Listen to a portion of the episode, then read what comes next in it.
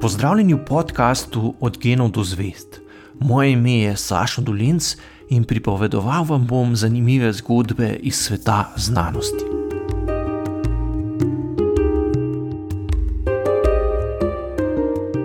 Virusi so zelo nenavadni mikroorganizmi, saj so iznašli sistem, kako parazitski način življenja poenostaviti do skrajnosti.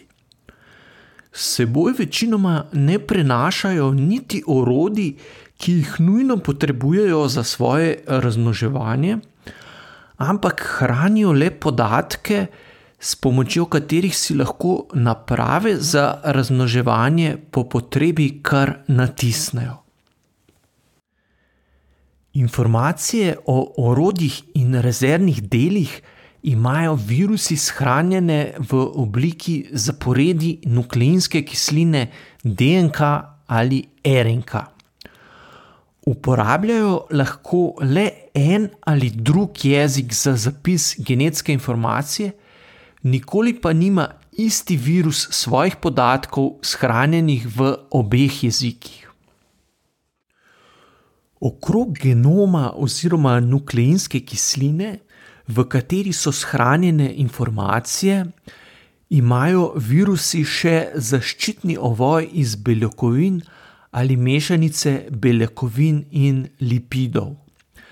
Zaradi preproste zgradbe so virusi zelo majhni, tako da jih ne moremo opazovati z običajnimi svetlobnimi mikroskopi, ampak le z bolj natančnimi elektronskimi mikroskopi. Da obstajajo v naravi tudi skrivnostni mikroorganizmi, ki so manjši od najmanjših celic, so raziskovalci posumili tik pred koncem 19. stoletja. Takrat je namreč več znanstvenikov z eksperimenti ugotovilo, da so nekatere tekočine kužne in povzročajo bolezni, tudi če sploh ne vsebujejo bakterij oziroma podobnih mikroorganizmov, ki jih lahko opazujejo pod mikroskopom. S poskusi so pokazali, da lahko kužna tekočina pri živalih ali rastlinah še vedno povzroči bolezen, tudi če jo precedijo skozi tako gost filter, da skozi ne morejo priti niti najmanjše bakterijske celice. Iz tega so sklepali, da lahko nastanek bolezni spodbudi tudi nekaj, kar je manjše od najmanjše žive celice. V tistem času so bili takšni rezultati poskusov dokaj kontroverzni, saj so pričali o obstoju povsem nove skupine zelo majhnih kužnih delcev. Te nenavadne majhne povzročitelje bolezni so poimenovali virusi in za nje kmalo ugotovili, da se sami v petrijavkah sploh ne znajo razmnoževati. Pomnoževati so se začeli šele, ko so okužili druge celice. Kako natančno naj bi potekal proces razmnoževanja virusov, še dolgo časa niso znali pojasniti, saj dogajanja zaradi majhnosti virusov niso mogli opazovati pod mikroskopi. Prve viruse so si lahko neposredno ogledali šele konec 30-ih let 20. stoletja, ko so za njihovo opazovanje uporabili elektronski mikroskop. Ta za osvetlitev vzorca ni uporabil vidne svetlobe, ampak snop elektronov, s čimer so lahko dosegli bistveno večje povečave kot pri običajnem svetlobnem mikroskopu.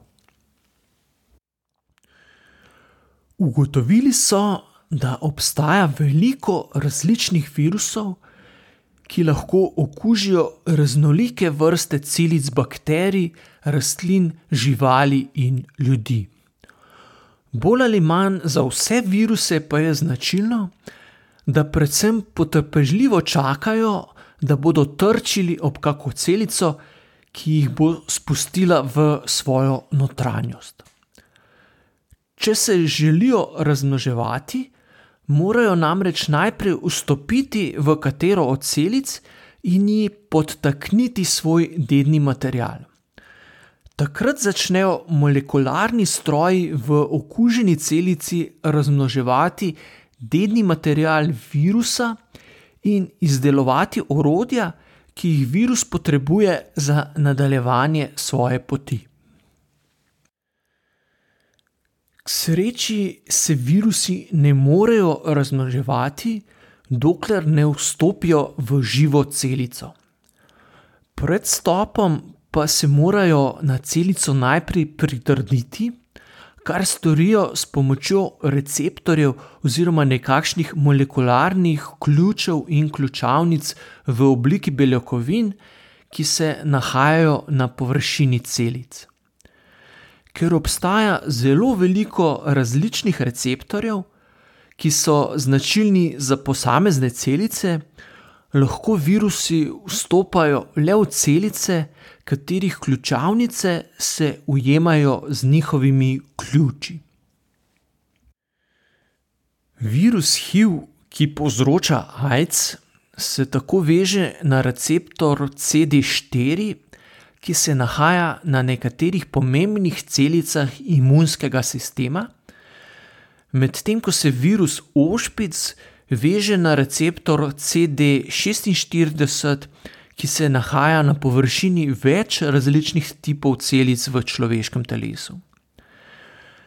Ker virus HIV napade in poškoduje celice telesa, ki so odgovorne za imunski odziv, bolniki z AIDS-om ne umrejo neposredno zaradi virusa, ampak zaradi posledic oslabljene imunosti. Koronavirusi imajo zaščitni ovoj zgrajen iz mešanice dvoplastnega lipidnega stroja in beljakovin, podobno kot je sestavljena tudi membrana človeških celic. Za novi koronavirus SARS-CoV-2 so ugotovili, da ima štiri strukturne beljakovine. Tri, ki so jih poimenovali S E in M se nahajajo v ovojnici virusa, medtem ko drži beljakovina N skupaj genetski material oziroma informacije virusa v njegovi notranjosti. Da se novi koronavirus po principu ključa in ključavnice veže na človeško celico, je odgovorna beljakovina S v njegovi ovojnici. Konec januarja 2020 so znanstveniki pokazali, da se novi koronavirus prav preko beljakovine S veže na molekule AC2 na površini človeških celic. Ker se veliko receptorjev AC2 nahaja na površini celic v spodnjih delih pljuč, novi koronavirus napade in prizadene prav tkivo teh pljučnih predelov.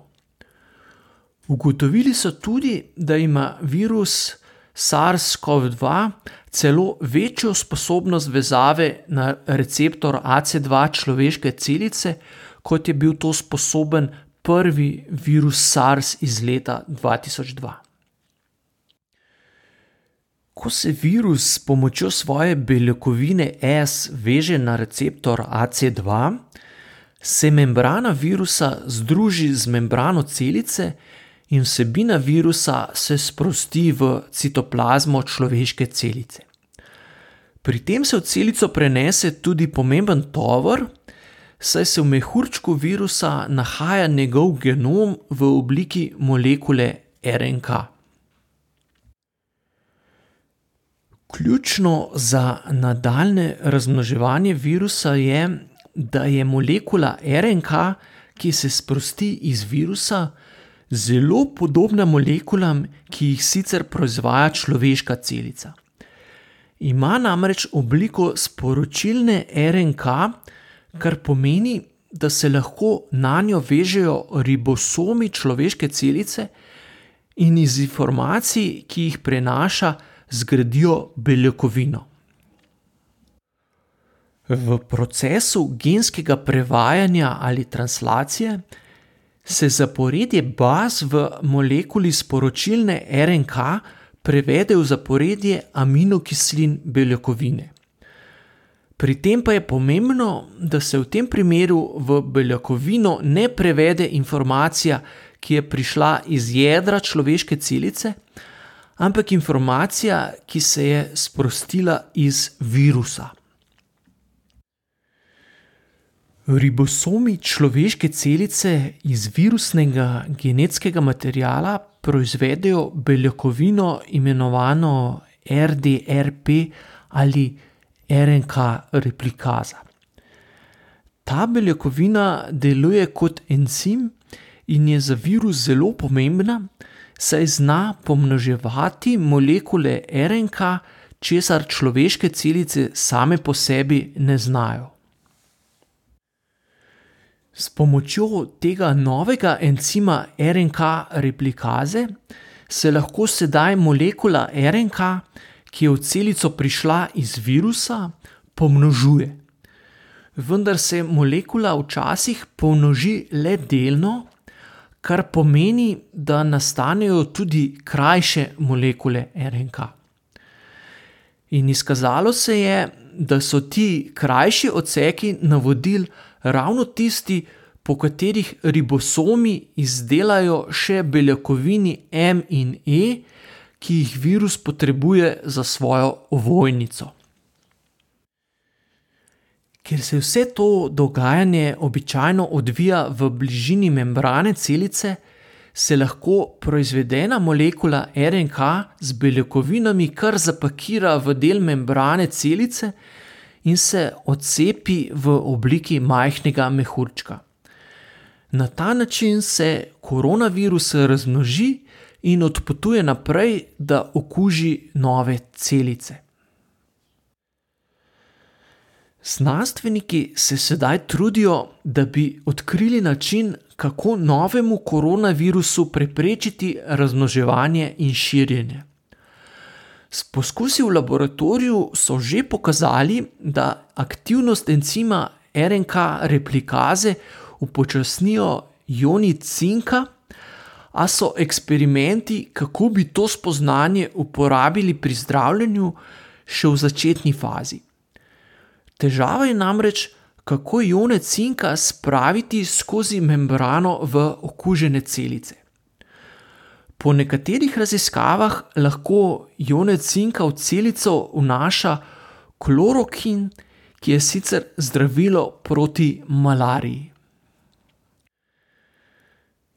Razmnoževanje RNK virusov, med katere spada tudi novi koronavirus, uspešno zavira spojina imenovana Remdesivir ki prav tako vpliva na aktivnost encima RNK replikaze, razvili pa so jo kot zdravilo za ebolo.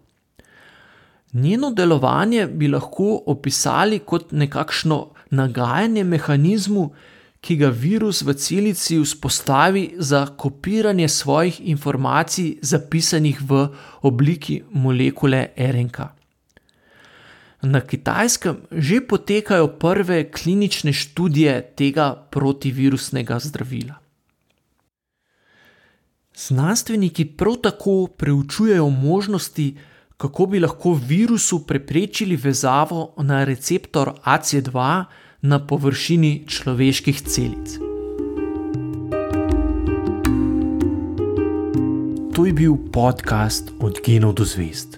Moje ime je Saša Dolence in z novo zgodbo se vam oglasim že k malu.